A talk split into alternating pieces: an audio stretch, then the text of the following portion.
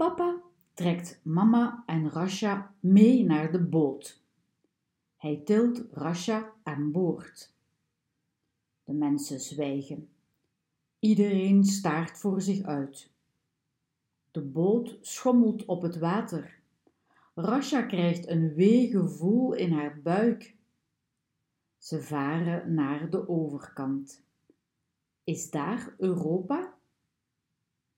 Midden op zee valt de boot stil. De mannen vloeken. Ze proberen en proberen, maar de motor schiet niet meer aan. Te weinig benzine, zucht papa. Het is koud.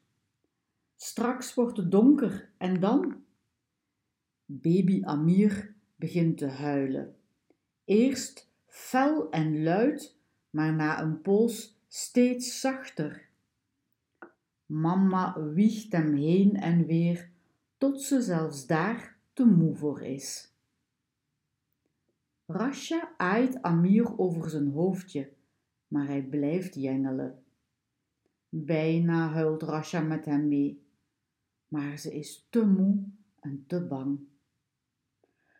Urenlang zwalpen ze over de zee. De wind is ijzig. Het is donker. Komt hier ooit een einde aan? Als ik doodga, ben ik weer bij Selima, denkt Rasha.